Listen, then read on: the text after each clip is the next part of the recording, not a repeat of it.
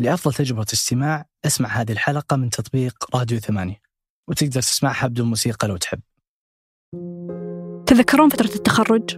المرحلة المصيرية في حياتنا اللي فيها حماس وفي نفس الوقت توتر من دخول هذا العالم الجديد الوقت اللي نطلع فيه من منطقة الراحة وجو الدراسة الروتيني العالم الفرص وبداية الرحلة المهنية الوقت اللي نحاول نختار فيه مكاننا في العالم وش بصير؟ وش بشتغل؟ وشلون الناس بتشوفني بعيدا عن دراستي ومراهقتي؟ تخيل كل هذا ويجي أحد ويرميه حرفيا في الزبالة عبير قبل خمس سنوات كانت في هذه المرحلة. توها متخرجة من الجامعة وتقدم على أكثر من وظيفة. جتني مرة مقابلة وكنت مرة مبسوطة فيها ومستعدة وكنت متحمسة طول ما كلموني وأنا أقرأ عنها. الوظيفة الأولى هي أحد صكوك دخولك لعالم الكبار. عالم خواتك وخالاتك وعماتك وقريباتك اللي لهم رواتب وقدرة تغيير وتأثير وتحكم أكبر بمصيرهم. عبير ذكية وتحب تخصصها. شخصيتها لطيفة وتهتم بالناس لكنها كتومة. حتى هذه القصة ما قالتها لأهلها. كانت هذه أول مقابلة لها في حياتها المهنية. مو بس هي اللي تحمست لها الفرصة حتى عائلتها كانوا متحمسين لها ومترقبين معاها. أكيد كثير منكم يتذكر أول مقابلة الربكة القلق الشك ما كأنك رايح عشان وظيفة كأنك رايح عشان تلقى لك مكان في هالعالم الجديد هل بكون جزء منه؟ وكيف بستعد له؟ وكيف بقنعهم أني أكون واحدة منهم؟ كل هذا خلى عبير يومها تروح للشركة بكل استعداد استقبلتها الموظفة ودخلوا قاعة الاجتماعات لكن صار الكابوس اللي كل الناس تخافه في المقابلات الوظيفية كل الأسئلة اللي جت عبير كانت عن شيء ما جهزت له ولا توقعت أنه مهم تسألني عن اسمي كيفك وكذا. بعدين قالت لي إنه إحنا في الشركة هنا ما عندنا أحد آه، منقب. يعني أول مرة يجينا أحد منقب.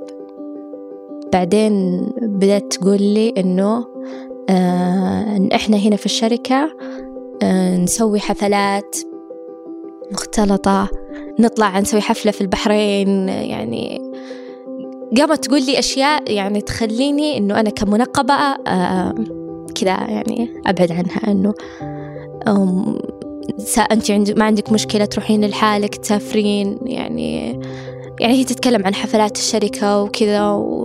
بس إحنا نسويها برا ومختلطة وكذا يعني قامت قلت لها لا ما عندي مشكلة عادي يعني بعدين جت سألتني إذا قالت أنتي آه كانت إجازة صيف يعني قالت أنتي وين سافرتي هذا الصيف؟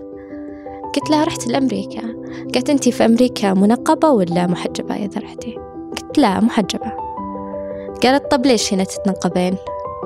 فكانت مقابلة يعني ما سألتني ولا شيء عن تخصصي يوم بدأ الموضوع يتكلم عن حجاب ونقاب وكذا مرة مستحقرتني يعني مرة مرة كانت يعني تنظرني كذا مستصغرتني يعني. في هالحلقة من أصوات أنا روان الفريح. بودكاست أصوات هو أحد منتجات إذاعة ثمانية. في كل حلقة بنستعرض قصة أو مجموعة من قصص حقيقية بأصوات عربية. يتكلمون فيها عن تجاربهم وجانب من حياتهم. مع الأسف التجربة اللي مرت فيها عبير ما هي تجربة نادرة. خلال السنوات الماضية شاركوا عدد من المنقبات تجاربهم مع التقديم على الوظائف أو مقابلات العمل. وكيف هالتجارب كانت مليانة تمييز واحتقار. بالنسبة لعبير فهي طلعت من الشركة شخص مختلف عن الشخص اللي دخل. الأبواب اللي كانت مفتوحة في خيالها تقفلت فجأة والحياة المهنية اللي كانت تجهز لها وتنتظرها وقت دراستها صارت بالنسبة لها مرعبة. والمكان اللي كان ينتظرها في العالم الجديد أعلن أنت مرفوضة ولا لك مكان عندي. كشيت من الموضوع وضايق صدري مرة تحطمت.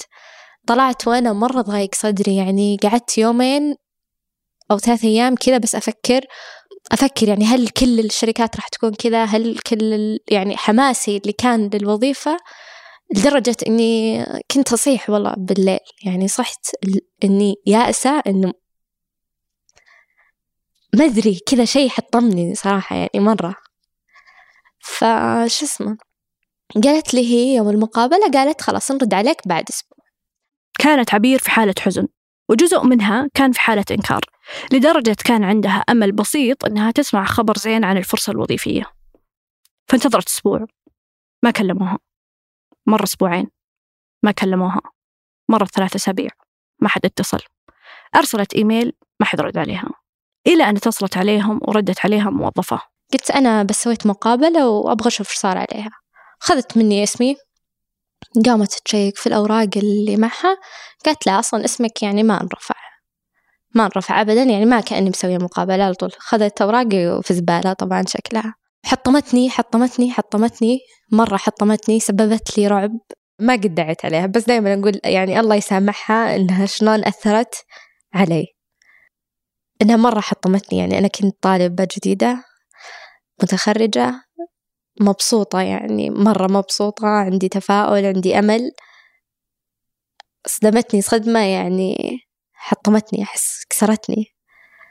أتمنى إنه يعني لو هي ما تبغى أحد منقب مو بلازم تتكلم بهذا الأسلوب أو تتكلم عن النقاب أو يعني تغير الموضوع. إذا أنت ما تبين؟ خلاص سوي مقابلة عادية حسسيني إنه أنا جاية مقابلة عمل. يعني لا تحسسيني إني أنا فيني نقص أنا فيني مشكلة لأني أنا منقبة.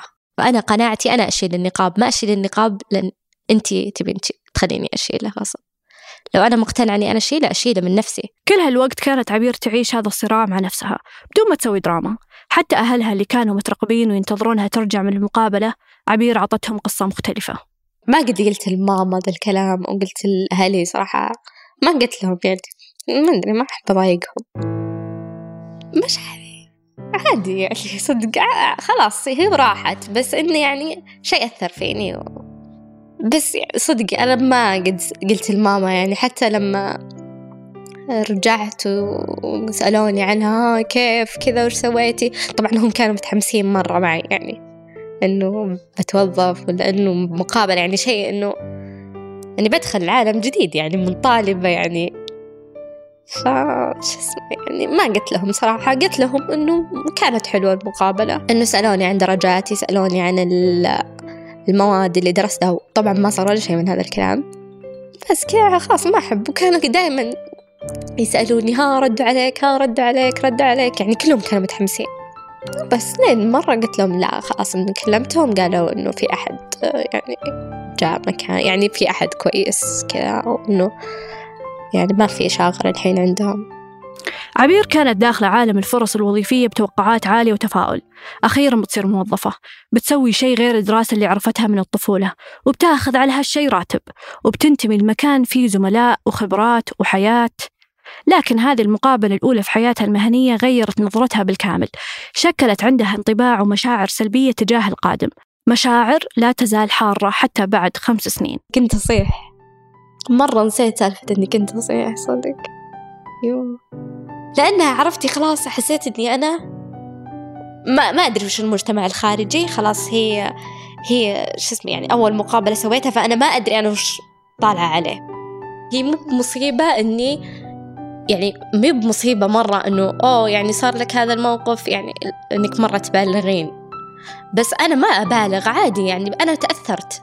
كان شيء خلاني أتأثر أنا مو قاعدة أبالغ. يعني في يعني إنه أصيح لأنهم ما قبلوني لا أنا أصيح لأني كنت منقهرة مو على إنه إنه ما قبلوني يعني عادي لو قالت لي والله أنت مثلا نسبتك في الجامعة ما عجبتنا أو ممكن حطمتني على دراستي عادي. بس غير لما يعني هذا شيء فيني نقاب يعني خلاص أنا منقبة. أنا كذا شخصيتي.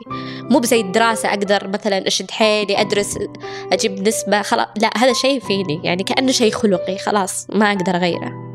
بعد هذا الموقف استمرت عبير تقدم على الوظائف وبعد فترة جتها فرصة مقابلة في شركة ثانية لكنها راحت لهالمقابلة بشخصية مختلفة عن اللي راحت لها في المقابلة الأولى.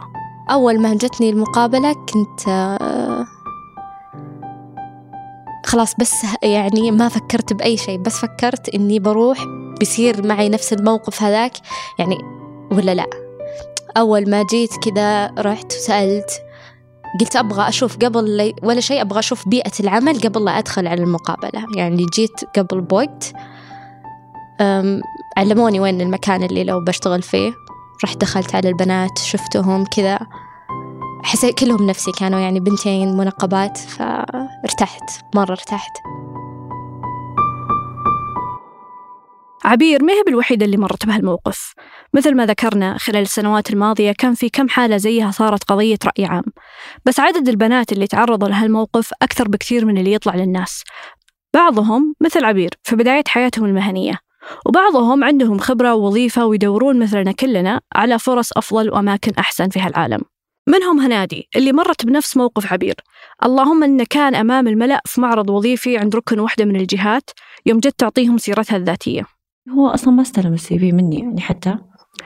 أه ولا شاف أنا إيش أصلا مؤهلاتي أو إيش عندي أو إيش ما عندي هل عندي خبرة أو لا؟ أبدا.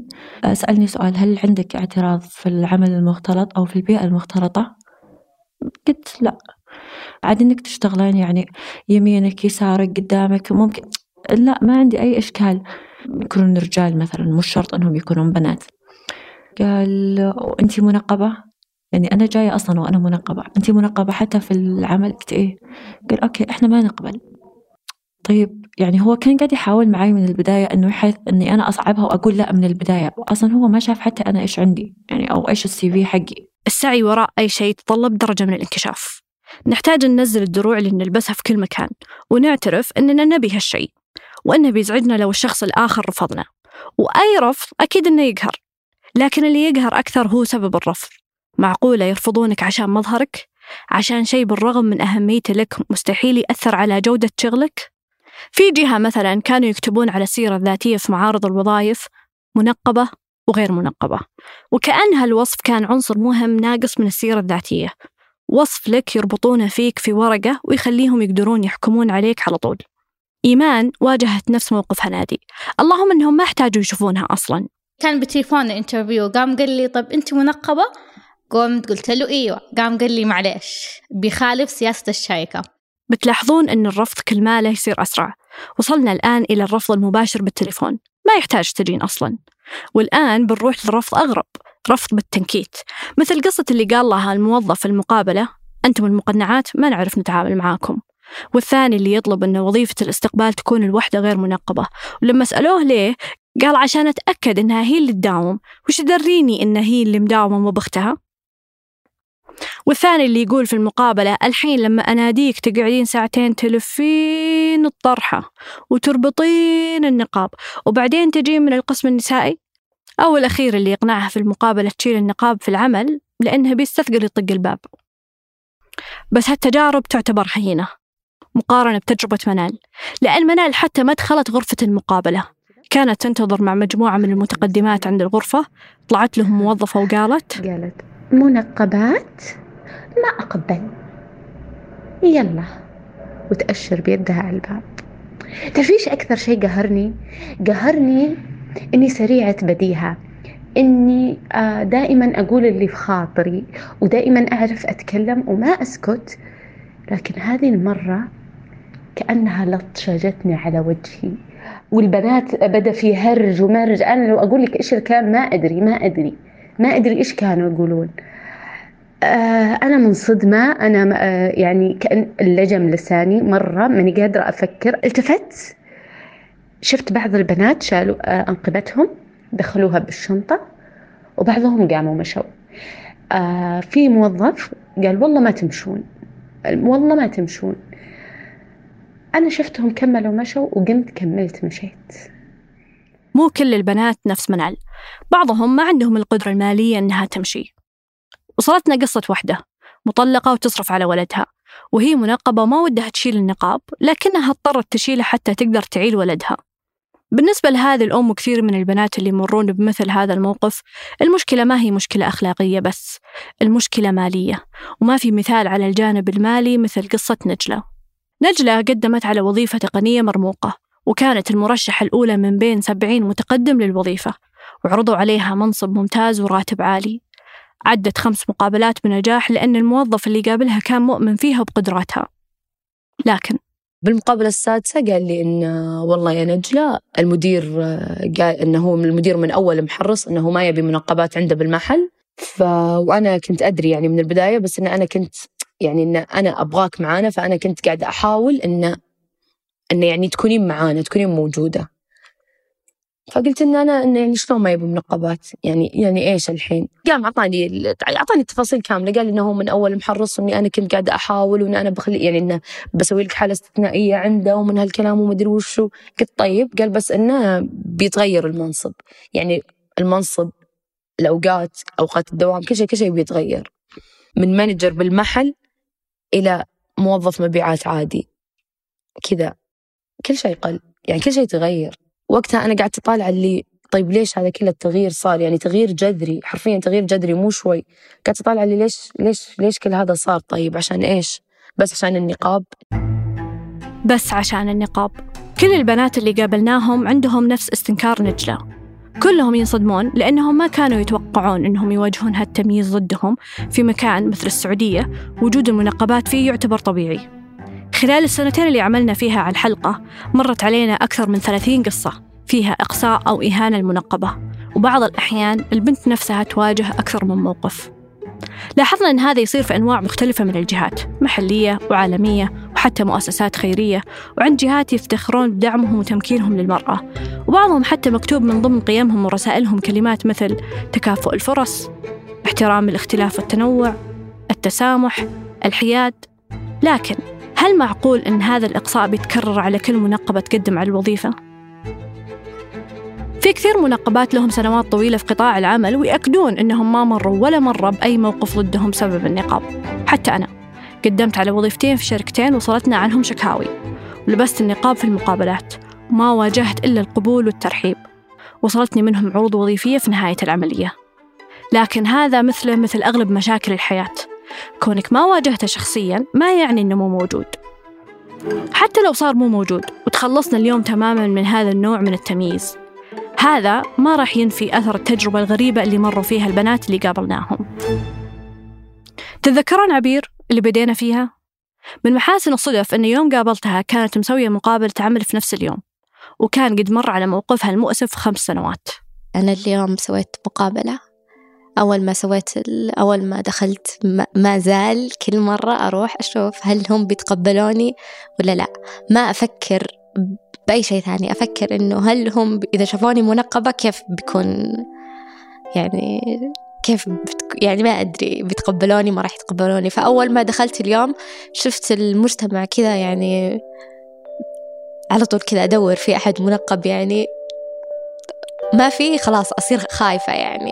كثر الطموح اللي كنت فيه يعني صار الوظيفة رعب بالنسبة لي.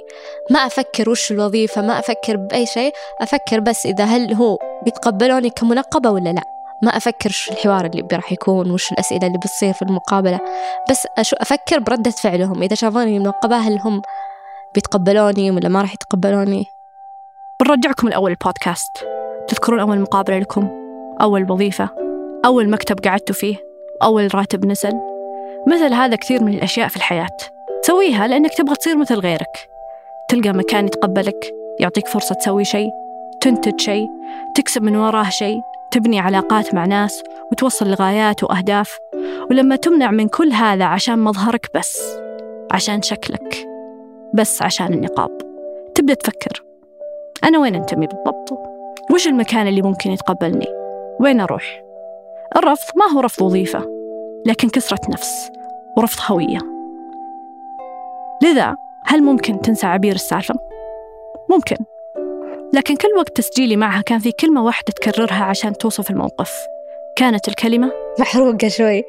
محروقة صدق. يعني أنا كنت ما نسيت خلاص الموقف هذاك عدى وعشت حياتي بس ما زال مأثر. بس لما ذكرته يعني صدق كذا أحس إنه كذا حرقني شوي رجع لي شوي يعني كذا.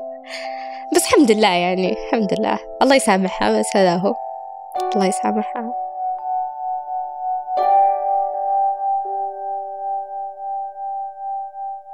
أنتج هذه الحلقة من أصوات أنا روان الفريح ومازن العتيبي وعمل على هندسة الصوت محمد الحسن وحررها الوليد العيسى وراجعها أحمد الحقيل ولما رباح أشرف على إنتاجها رندب الخيل وسمر سليمان وعبد الرحمن أبو مالح. نراكم على خير.